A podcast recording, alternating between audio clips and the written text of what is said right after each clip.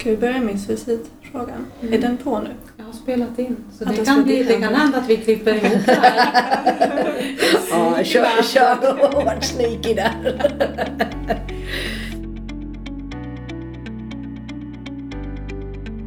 Mm. Nu är det Johanna och Ida som ska spela in första avsnittet av Psyksnack. Mm. En podcast av STP, Föreningen av och för ST-läkare i psykiatri. I dagens avsnitt av STP-podden Psyksnack så behandlar vi frågan Hur orkar man arbeta inom psykiatri? Ämnet kommer av att man inte sällan ställs inför just den frågan när man nämner för utomstående var man arbetar. Frågan innehåller många dimensioner och vi får se vart våra inbjudna gäster tar med oss i samtalet idag. Eh, vi som håller i det här avsnittet är alltså jag, Ida Gebel Djupdahl, ordförande för STP och ST-läkare i barn och ungdomspsykiatri. Och jag, Johanna Hansson, vice ordförande i STP och ST-läkare inom vuxenpsykiatrin i Stockholm. Och med oss har vi bjudit in Karin Borgström som är medicinskt ansvarig överläkare inom vuxenheldygnsvården i Stockholm. Jag har ju haft förmånen att få be Karin om råd många gånger eftersom att hon är min huvudhandledare. Och jag måste säga att jag gillar den korta och koncisa presentation av sig själv som hon föreslog idag, nämligen MMMDDD. Människa, mamma, maka, dotter, diakon, doktor. Och jag som känner dig tycker att den presentationen också avspeglar ditt prestigelösa förhållningssätt som du bjuder på i din yrkesroll. Tack. Och så har vi bjudit in Jana Lignell som är barn och ungdomspsykiatriker och psykoterapeut med KBT-inriktning på BUP i Stockholm. Du har en bakgrund som operativ sjukhuschef under flera års tid men du har valt att återgå till arbetet som klinisk barnpsykiatriker. Det är vi ST-läkare i Stockholm mycket glada över. 2018 fick du vårt handledarpris. Tack för att du vill vara med. Tack, roligt att vara här. Om vi börjar med den stora frågan då. Hur, eh, hur orkar du arbeta inom psykiatrin, Karin? Mm. Jag har ju funderat på det. Och ja, enkel svar. Jag älskar mitt arbete. Jag är fascinerad av människor och jag, jag tror att man måste kunna känna en glädje i arbetet för att överhuvudtaget orka. Jag tror att man måste kunna känna att det här är fantastiskt. Kanske inte varje dag, kanske inte varje stund, men på det stora hela så måste man kunna landa någonstans i att det här är någonting som passar mig och som jag trivs bra med. Eh, det tror jag är en grundförutsättning för att det här ska gå alls. Sen finns det massvis med blindskär som man behöver eh, också förhålla sig till för att inte tappa taget och inte förlora den här fascinationen. Men att möta människor, nya människor varje dag nästan. En del följer man under längre tid, en del möter man bara en gång och få presenterat de här livsödena, personerna är så fascinerande. Det är så underbart faktiskt. Och Jana, om jag skulle fråga dig, hur orkar du jobba inom psykiatrin?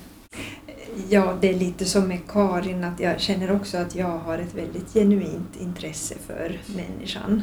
Men då alldeles särskilt för barnet liksom i sitt sammanhang. Och där den fascinerande växande hjärnan som, som jag är jätteintresserad av.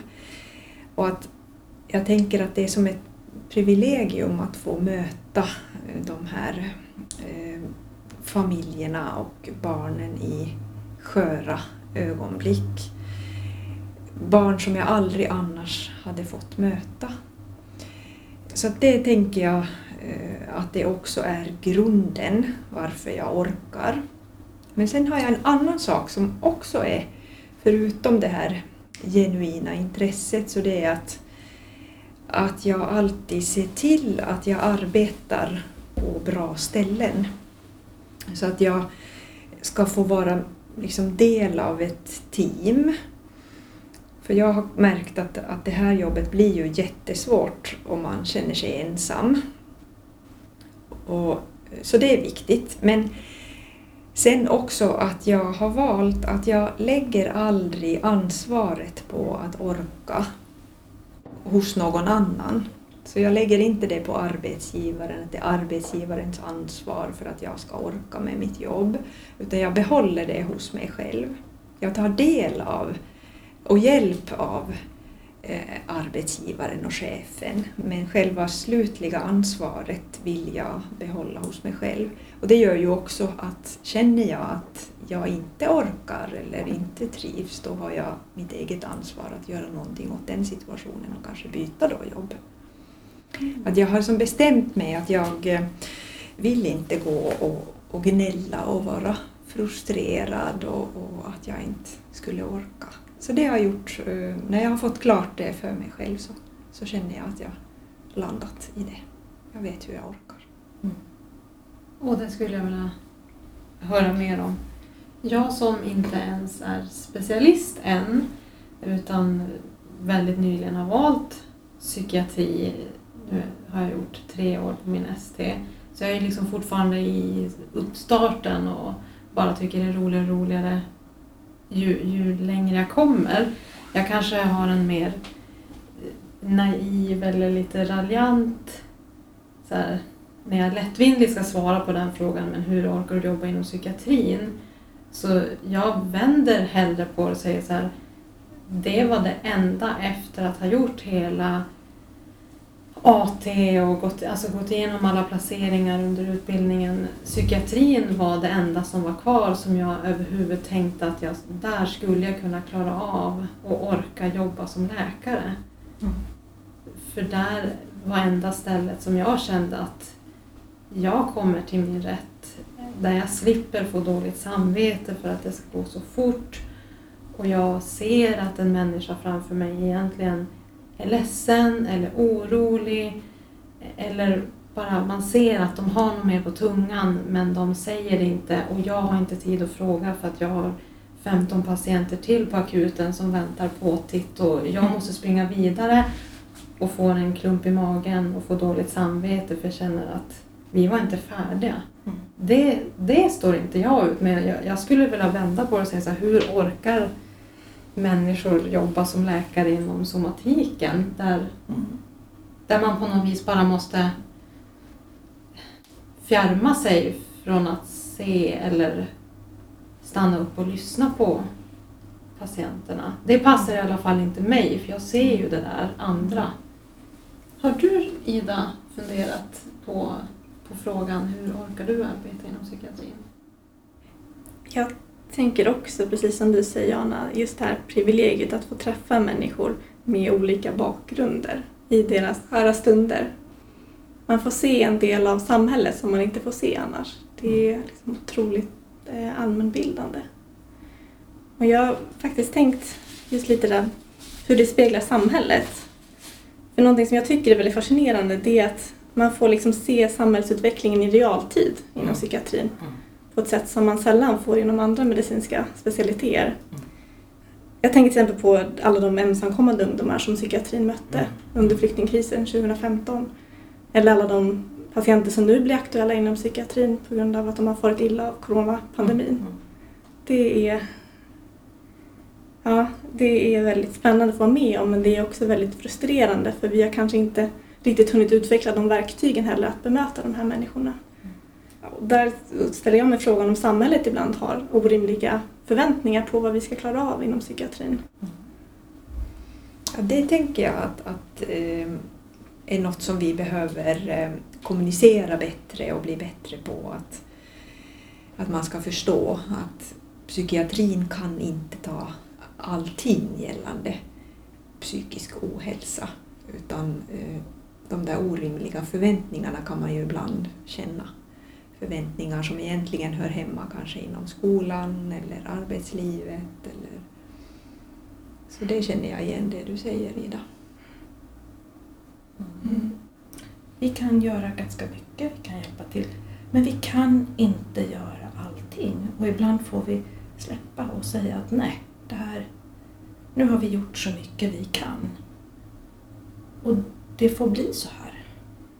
Och det är svårt. Och, och att man då förstår att det var inte jag som misslyckades utan det var samhället som inte fick det här att, gå ihop eller alla andra faktorer. Och det vill jag också knyta till det ni har sagt, det här med de fascinerande livsödena. Jag tycker det är ett privilegium att patienten vet också, jag nästan på förhand får lov att fråga de där andra innersta frågorna. Hur mår du egentligen? Och gräva vidare i hur tänker den här patienten och hur mår den här patienten? Jag får lov att ställa de frågorna som den här patienten kanske inte ens har vågat uttrycka det högt för någon annan. Och så får jag sitta och ta del av det. Jag tycker det är ett sånt privilegium så att ja, jag är ju jättetacksam att jag kom på att det är psykiatri jag ska hålla på Mm. Jag tänker att jag, jag tänkte bara hoppa vidare för jag tänker på någonting som du pratade om det här att välja sin arbetsplats. Om man nu väljer och hur man står ut just i psykiatrin kontra andra ställen och det är, tänker jag att, jag tror du sa det Johanna, att man inte är så ensam. Utan att man ja, så gott som alltid arbetar i ett team. Hela liksom, arbetet med patienten står och faller inte med mig som enskild person utan vi är flera som hjälps åt tillsammans. Och det är för mig en väldigt viktig bit av att orka med det här. Karin, har du något tips till eh, unga läkare eller ST-läkare hur man ska göra där för att inte bli ensam? För jag tänker ändå på en mottagning så sitter man ju ensam Mm. och man kanske har lite fullt upp i signeringskorg. Och Mm. har du några råd? Alltså, jag tror, och det här är någonting som jag vill då skicka till alla er ST-läkare, det är att för att inte bli ensam så är det viktigt att prioritera APT, fikamöten, sådana här saker som man kanske inte måste vara med på och som man känner ibland att man inte hinner. För jag är en doktor som måste skriva så mycket saker eller göra så mycket saker. Eh, men att, att liksom jobba på att knyta an och bli en del av teamet. Doktorer hamnar väldigt ofta i sitt, i alla fall i vuxenpsykiatrin, jag vet inte hur det ser ändå, även om det är ett teamarbete så, så är det lätt så att man hamnar i sin egen lilla grupp. Och där tror jag att, att man har enormt mycket att vinna på att man blir en i gänget med alla de andra och att man också är tillgänglig. Att man har en arbetsplats där, när man har sett hur det, när det går bra för någon som man har känt sedan tidigare, då kommer man in och så delar man med sig av det till den som man har jobbat med. Och det, det gör att man står ut. Det gör att vi alla står ut, att, att man får den där feedbacken. Just det.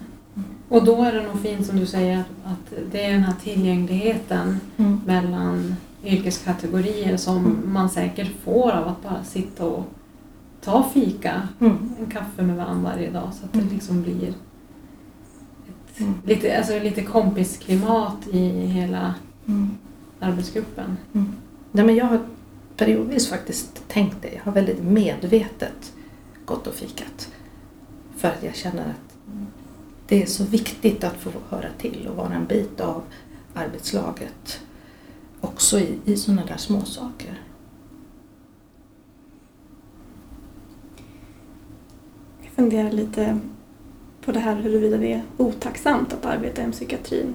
För det har jag väl själv känt några gånger och jag tycker att jag kan få den frågan också när man nämner att jag jobbar inom psykiatrin. Ehm, när jag randade mig inom barnmedicin då slogs jag av hur anslagstavlorna i fikarummet de var fulla av eh, bilder på skrattande barn och tackkort Mm. och inte sällan så stod det en chokladask eller liknande på bordet i fikarummet som de föräldrar hade lämnat som tack för den här fantastiska vården som de hade fått. Ehm, Så är det ju inte riktigt inom psykiatrin, eller inte så ofta i alla fall, kan jag känna. Eh, Jag minns en patient som jag hade med ångestproblematik som fick Centralin, eh, men som vid återbesöket då hävdade bestämt att det minsann var astmamedicinen som hade tagit bort det här trycket över bröstet. Mm.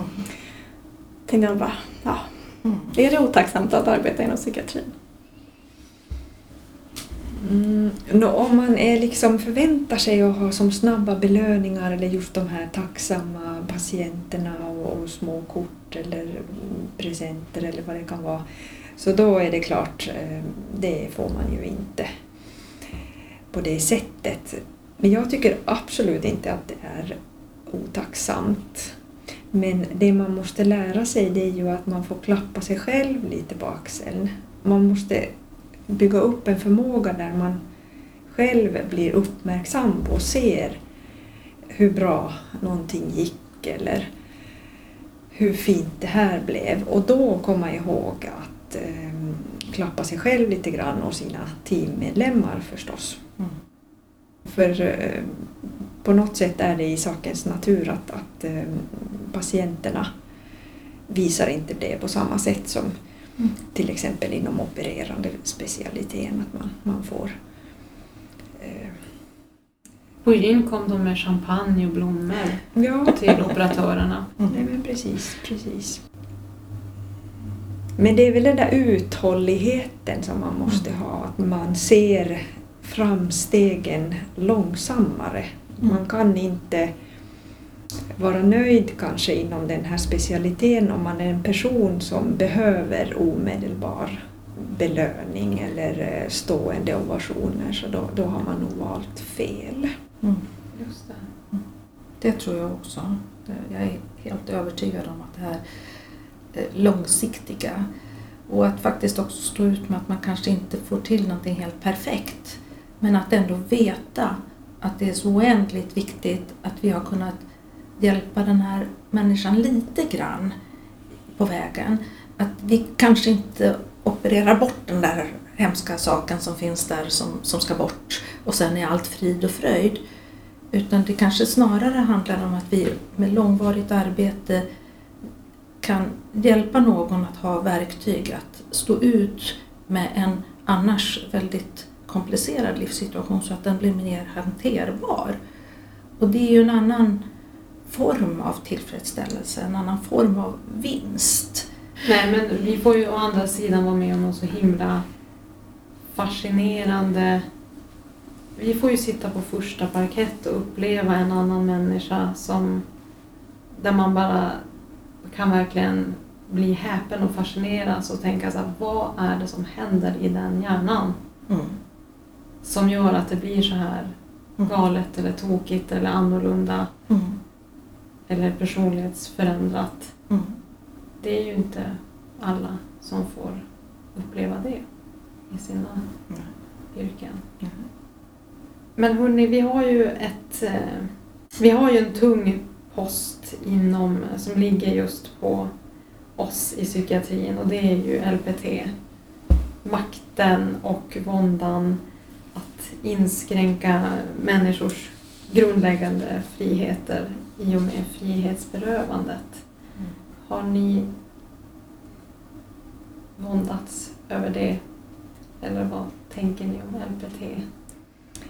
Eh, Jag har i alla fall väldig respekt för det unika som, som är i, i vårt läkararbete, att vi faktiskt har eh, den rätten att kunna inskränka en människas fri och rättigheter. Och det tänker jag är jättesvårt. Och ibland eh, så känner jag att jag också är rädd för det. Och i de stunderna så hamnar man kanske då som bakjour, står där och, och ska ta de här svåra besluten och vill ju helst slippa att göra det. Men då brukar jag tänka att men på något sätt så nu står jag här just i denna stund här i Stockholm för de här barnen och jag besitter den högsta kompetensen i stunden att fatta det här beslutet. Och jag får helt enkelt ta och göra det Mm. utifrån den situationen jag har framför mig och försöka mitt allra bästa och göra det så att det blir så bra som möjligt för den patienten.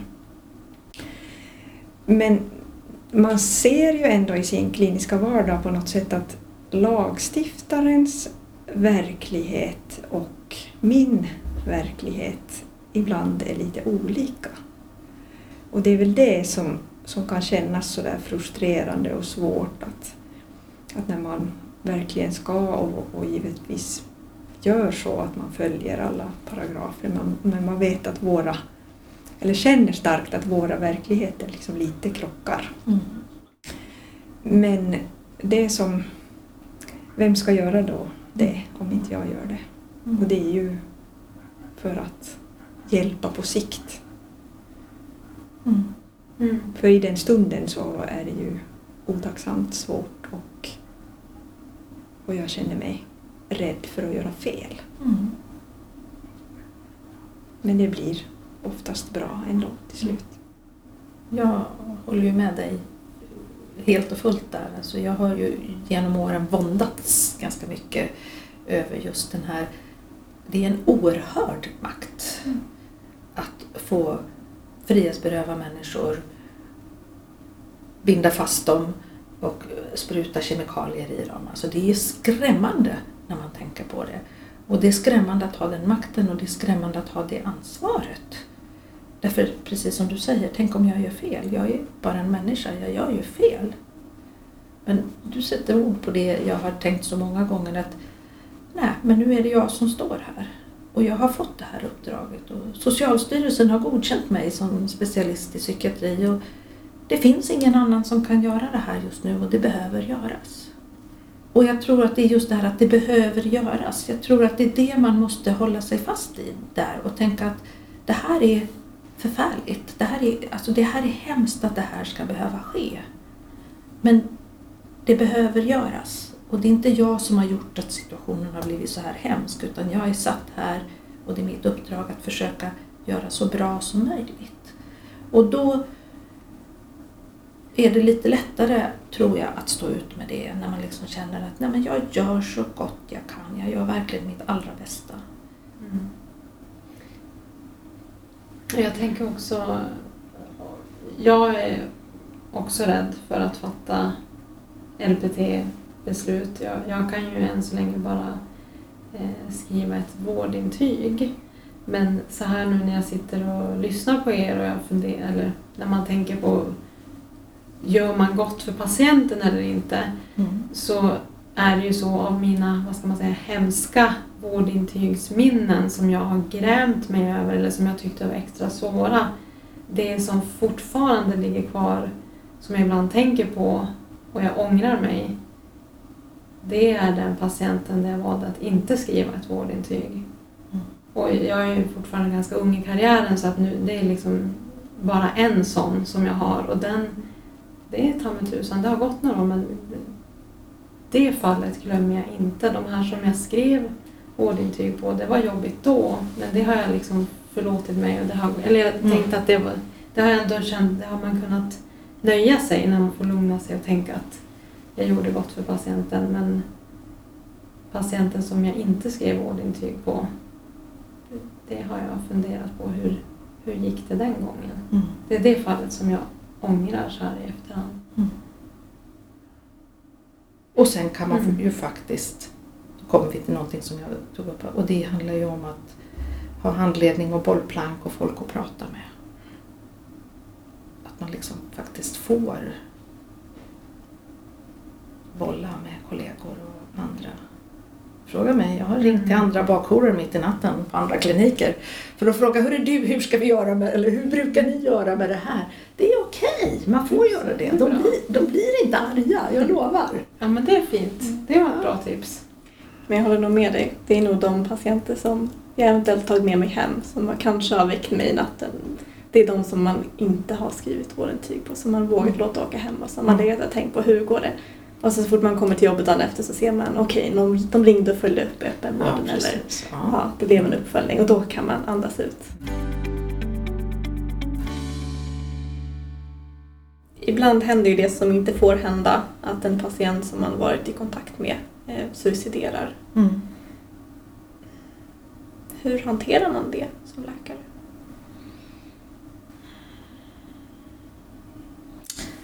Ja.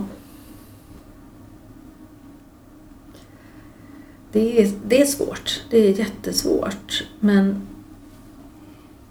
i min värld så är det här huvudsakligen ett symptom på en allvarlig sjukdom.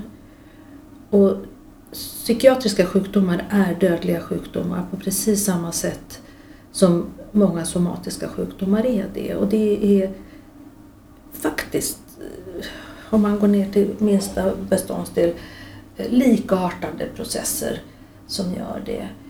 Och då tänker jag att vi gör allt vad vi kan för att upptäcka, för att förebygga, för att undvika. Men ibland måste vi också ha den här ödmjukheten inför att vi inte kan allt, vi vet inte allting. Och då kan det här hända. Precis som en cancerläkare, en onkolog förlorar en patient till cancer så kan vi förlora en patient till ett suicid. Hur bra jobb vi än har gjort. Och precis som jag sa förut så tror jag att det är viktigt att man i den situationen kan känna men jag gjorde så gott jag kunde. För kan man inte känna det, då tror jag att man äts upp av skuld och förtvivlan över att jag, jag slarvade, jag glömde något, jag, jag borde ha gjort något. Och, och där tror jag det är enormt viktigt att man har någon att bolla med och att man får möjlighet att gå igenom. Vad var det du gjorde? Vilka saker? Hur fattade du de här besluten? Vad var det du tänkte i den här situationen? Hur resonerade du? För då kanske man kan i bästa fall se att nej, du gjorde faktiskt så gott du kunde och det här hände ändå. Jag hade en gång, en, jag jobbade på geriatri för väldigt länge sedan och då hade jag en överläkare där, jag var underläkare och han var överläkare och han sa till mig, och det här var då ju helt somatiskt i stor utsträckning, han sa att Karin, varje doktor har sin egen kyrkogård. Och om ni tänker tillbaka så finns det säkert från er somatiska karriär så finns det säkert en och annan patient ni har mött där ni faktiskt också har missat saker. Mm. Mm. Och det, jag tänker att det där begreppet att säga att varje doktor har sin egen kyrkogård är på ett sätt en tröst. Samtidigt som jag tänker, men det var inte jag som orsakade hjärtinfarkten. Det var inte det. Jag kanske missade att ta hand om hjärtinfarkten på det mest optimala sätt som någon som var mycket bättre än jag skulle ha gjort. Men det var inte jag som orsakade hjärtinfarkten och det var jag som var där just då. Och det var jag som försökte hjälpa så gott jag begrep. Och lite så tänker jag med suicid också. Det är inte jag som har gjort att patienten är suicidal. Det är faktiskt inte det. Det är, det är en sjukdom som har gjort det. Och jag försöker upptäcka det, jag försöker hjälpa det. Jag gör så gott jag kan. Det kan hända att jag missar någonting. Men precis som vi sa tidigare, nu var det jag som var jour den här gången. Och jag gjorde så gott jag kunde och jag kunde inte göra mer än så just då. Men, men jag tror att en grundläggande bit är att se att psykiatriska sjukdomar är dödliga sjukdomar, farliga sjukdomar i en specialitet där vi har väldigt mycket mindre verktyg än vad man har på många andra ställen. Så att det är inget lätt jobb vi gör. Mm. Och det var det lite grann jag menar med att jag har svårt med nollvisionen. För nollvisionen har lite grann den där känslan att alla suicid går att förebygga. Jag tror inte det. Jag tror att alla suicid går att förebygga när vi har kunnat bota alla depressioner.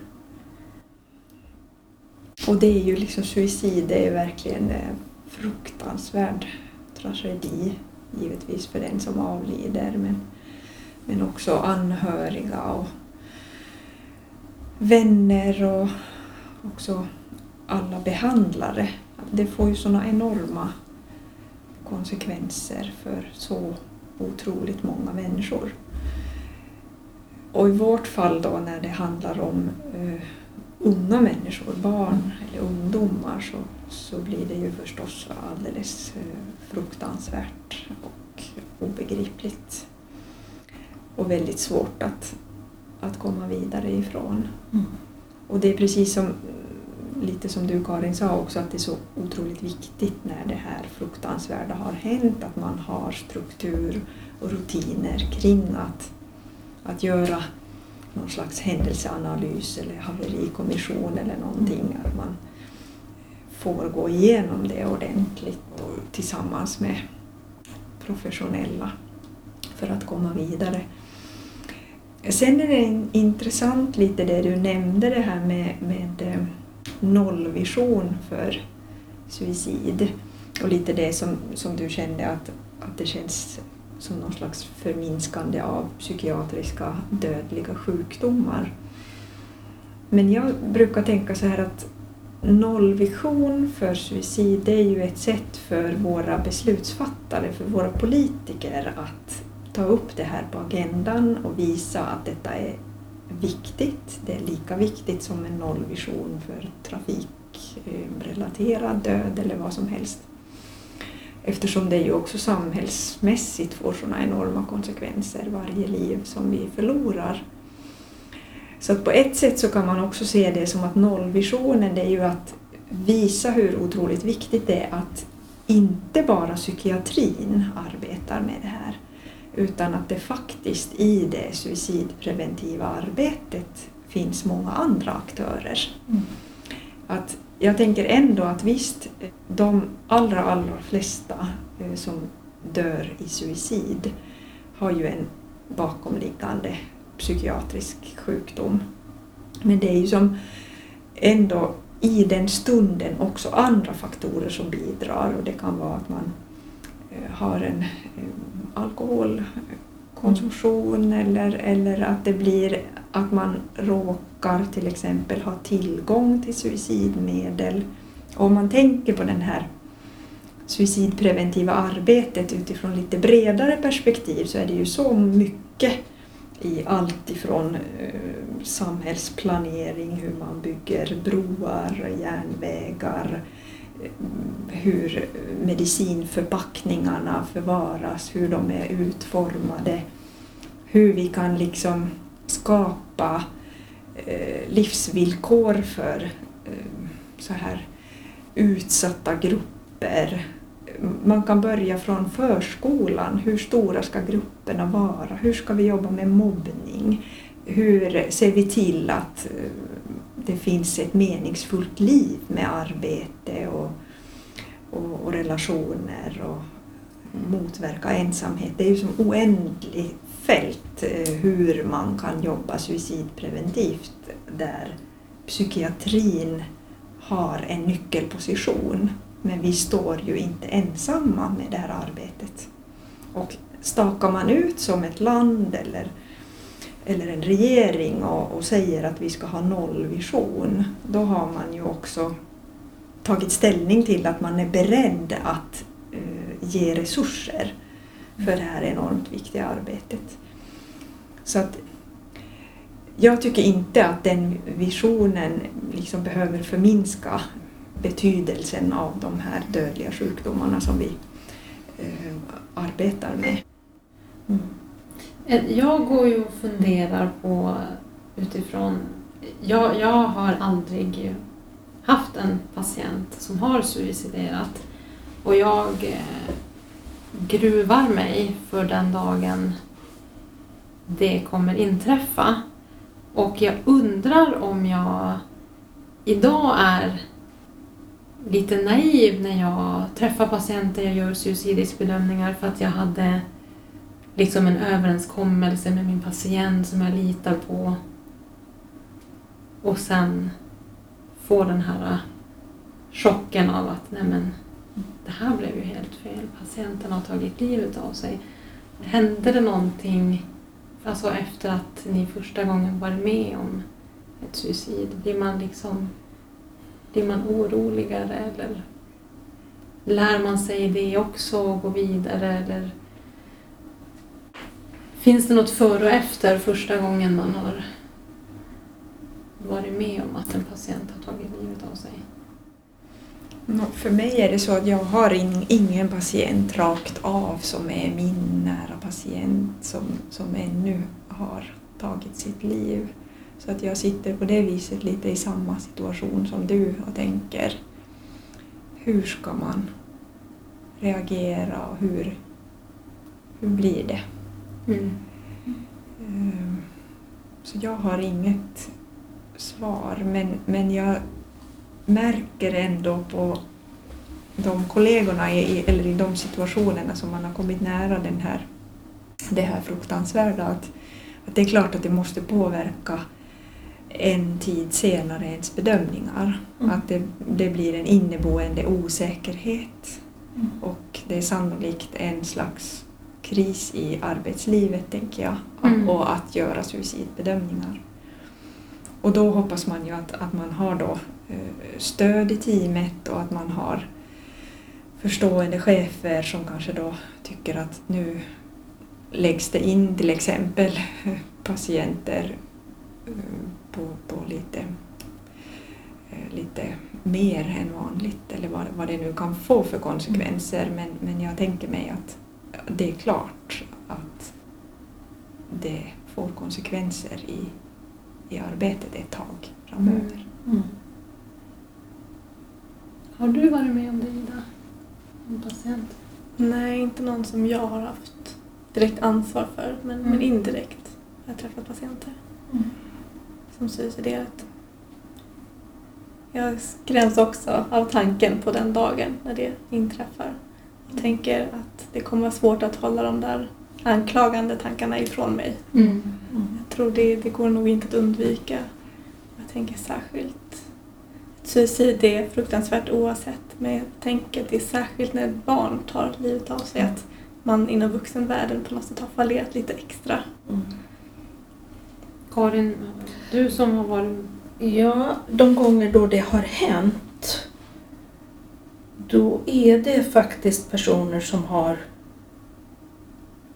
efter, jag har inte förlorat någon i början av en psykiatrisk sjukdom utan samtliga tror jag är efter mångårigt lidande.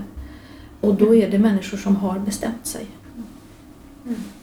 Och de är enormt svåra att hitta signalerna på när de signalerar att nej men allt är bra och jag ska göra det här och det här nästa vecka och jag ska göra det här och sen så hoppar de från nionde våningen. Men har det fått dig att lita mindre på din förmåga att, att vara trygg i suicidriskbedömningar? Eller känner du dig mer... Nej, faktiskt inte. Faktiskt inte.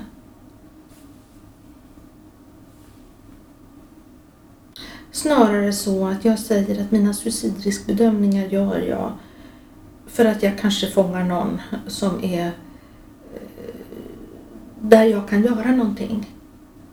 Och sen får jag acceptera. Och jag tror att jag fångar ganska många där jag kan göra någonting. Och så får jag acceptera att det blir en och annan som jag inte kan göra någonting åt. De är inte många men de jag har haft, då har det varit sådana där jag har känt att det, det, det finns liksom ingenting jag kunde ha gjort annorlunda. Ni har ju båda valt under en period att lämna den kliniska verksamheten Mm. eh, för att ägna er åt andra sysslor. Vill ni berätta vad det är som fick er att lämna och vad det var sen som fick er komma tillbaka Mm. till den kliniska rollen? Nå, för min del så, så kanske det började någonstans när jag kände att jag ville ha mera verktyg eh, i mitt kliniska arbete. Att jag hade blivit specialist och jobbat och, och det var rätt eh, ensamt och så. Och då valde jag att eh, gå en steg två psykoterapiutbildning inom KBT. Eh, och sen eh, blev det någonting, jag vet inte riktigt varför, men jag började snöa in mig på mera ledarskapsfrågor och, och hade behov av att ta reda på hur man är som bra chef. Och, och sen så blev det det att jag lämnade då eh, den kliniska tjänsten och gick över och började jobba som chef. Och det gick ju utmärkt och jag trivdes och, och, och det gick bra. Men sen fanns det någonstans där inne ändå det här, tror jag, det genuina intresset för de här kliniska mötena och möten med människor och, och det här hantverket som det är att vara, vara läkare. Och då hamnade jag i någon sån situation att ska jag fortsätta, för ledarskap inom sjukvården och, och vara chef så handlar också väldigt mycket om resurser, om pengar och hur man ska göra besparingar. Och, eh, och det kanske inte tilltalar mig så jättemycket. Eh, så då kom det här beslutet att, att ska jag ändå inte välja det här fina med läkeriet och ta mig tillbaka till, till där jag började, det vill säga till barnpsykiatrin och det kliniska jobbet. Då. Och eh, det har jag inte ångrat.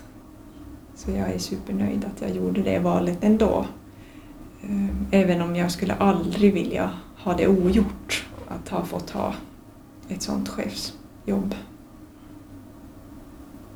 Eh, min mitt byte var ju ett helt annat byte och eh, stammade tydligare tror jag ur en frustration över precis det som är, är temat för dagens samtal nämligen nej, det går inte att jobba på det här med det här. Jag orkar inte. Jag, jag kan inte jobba som läkare. Det var min uppfattning.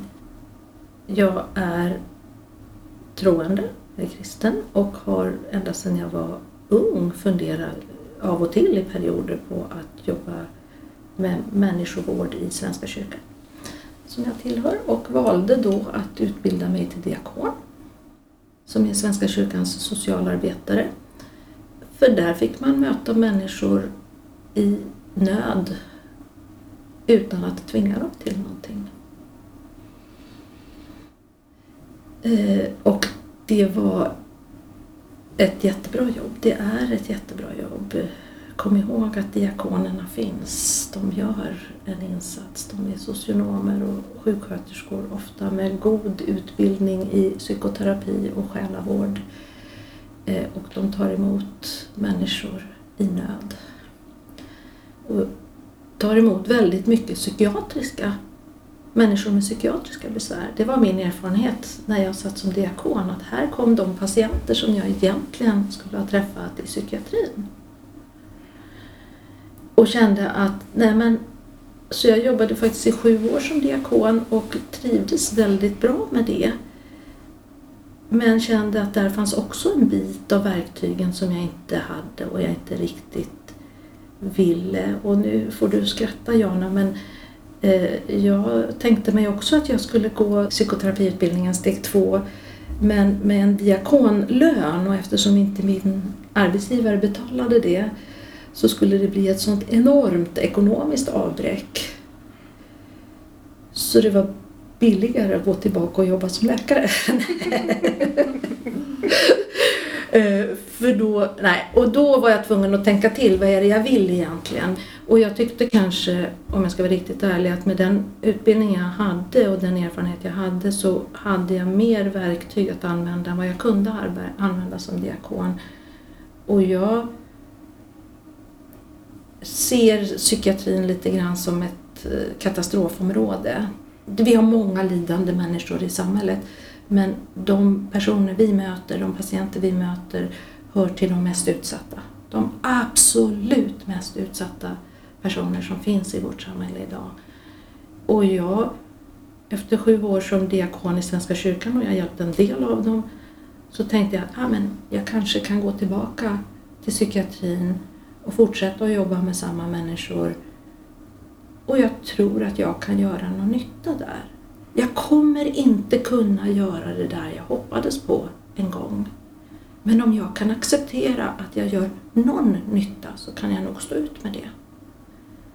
Mm. Du började med det Johanna, att vi behöver vårda den där känslan av att det här är svårt, det är inte självklart. Det här är svårt att stå ut med. Därför att jag tror att vi som tänker så faktiskt behövs i den här verksamheten också. Mm. Så alla som eventuellt lyssnar på det här och tror att man måste vara övertygad och perfekt och veta exakt vad man gör. Till dem vill jag säga att nej, det är just er vi behöver. Ni som tänker, ni som tvekar, ni som ifrågasätter. Det är de som behövs. Det är så vi gör psykiatrin human och bättre. Ja, ja men eh, jag hade ett år kanske i början på ST lite mindre världskomplex och lite så prestationsångest. Jag kände att Ja, jag är ju inte längre en riktig doktor för nu börjar jag glömma hur man tolkar ett EKG.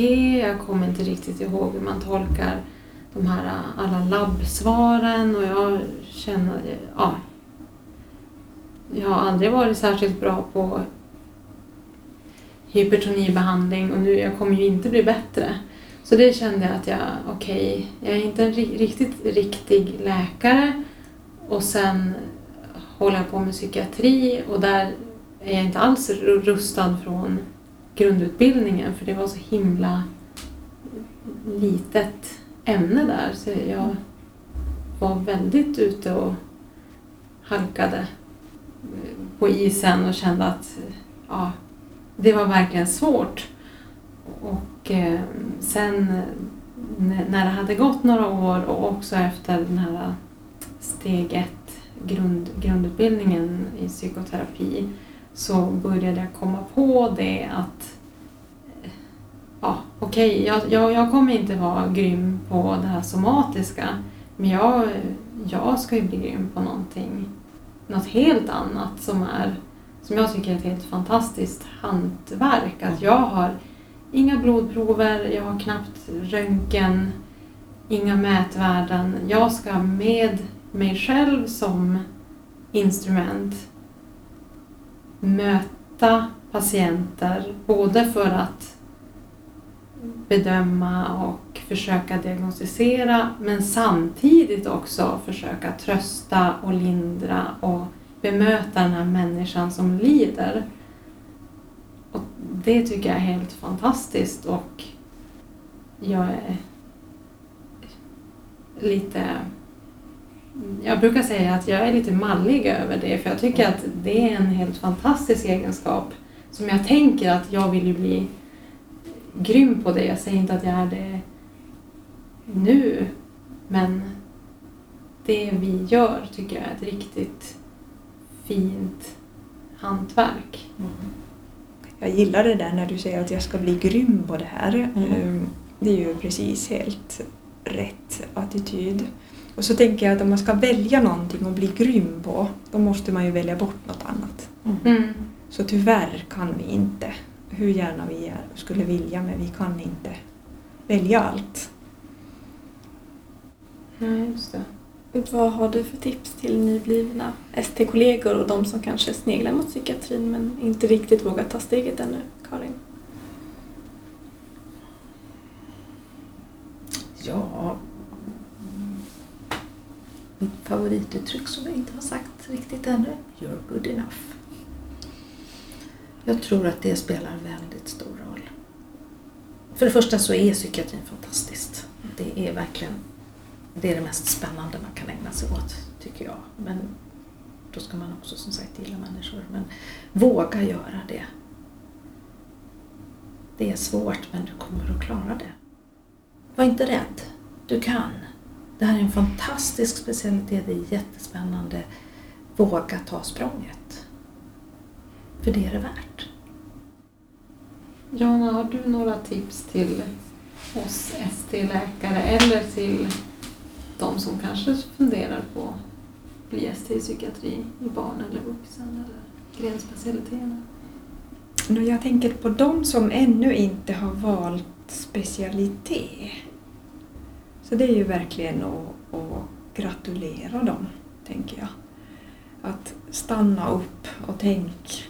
Eh, för att det här valet av specialitet, det kommer ju ändå vara någonting som kommer att påverka dig och ditt framtida liv väldigt mycket. Så jag tänker att man ska njuta av den stunden att kunna välja. Och är man då nyfiken på psykiatri så då tänker jag då behöver man ju prova. Annars tror jag inte det går att veta.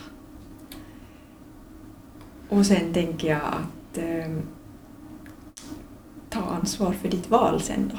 Mm. Om man väljer psykiatri så, så gör man det. Men sen ST-läkarna som redan har valt specialiteten så där tänker jag ändå att att försöka liksom passa på att träffa så många patienter som möjligt. Och det är ju det man lär sig bäst av. Esten är ju full av olika kurser och de är jätteviktiga men att inte glömma bort det där. Att det är ju ändå i patientmötena som man utvecklas mest och, och får en erfarenhetsbank sen som man kan, man kan ösa ur sen och bygga vidare på. Ida, har du någon, eh, något tips till kollegor som du brukar säga när du stöter på läkare som funderar på att bli psykiatriker? Utöver allt positivt som vi redan har benämnt och den här otroligt intressanta specialiteten som utvecklas i en otrolig fart nu ehm, så tänker jag att man har alla möjligheter att också få ett hållbart arbetsliv inom den här specialiteten. Mm. Det ska man inte underskatta för det, på Mm. så vis bevarar man också glädjen med Mm. sitt arbete. Mm. Ehm, så det. Mm. Det håller jag med om också. När jag skulle välja så var det en blandning av att jag tyckte AT'n var perfekt för att lite så här bocka av. Nej, inte det. Nej, inte det. Nej, inte det. Verkligen fundera.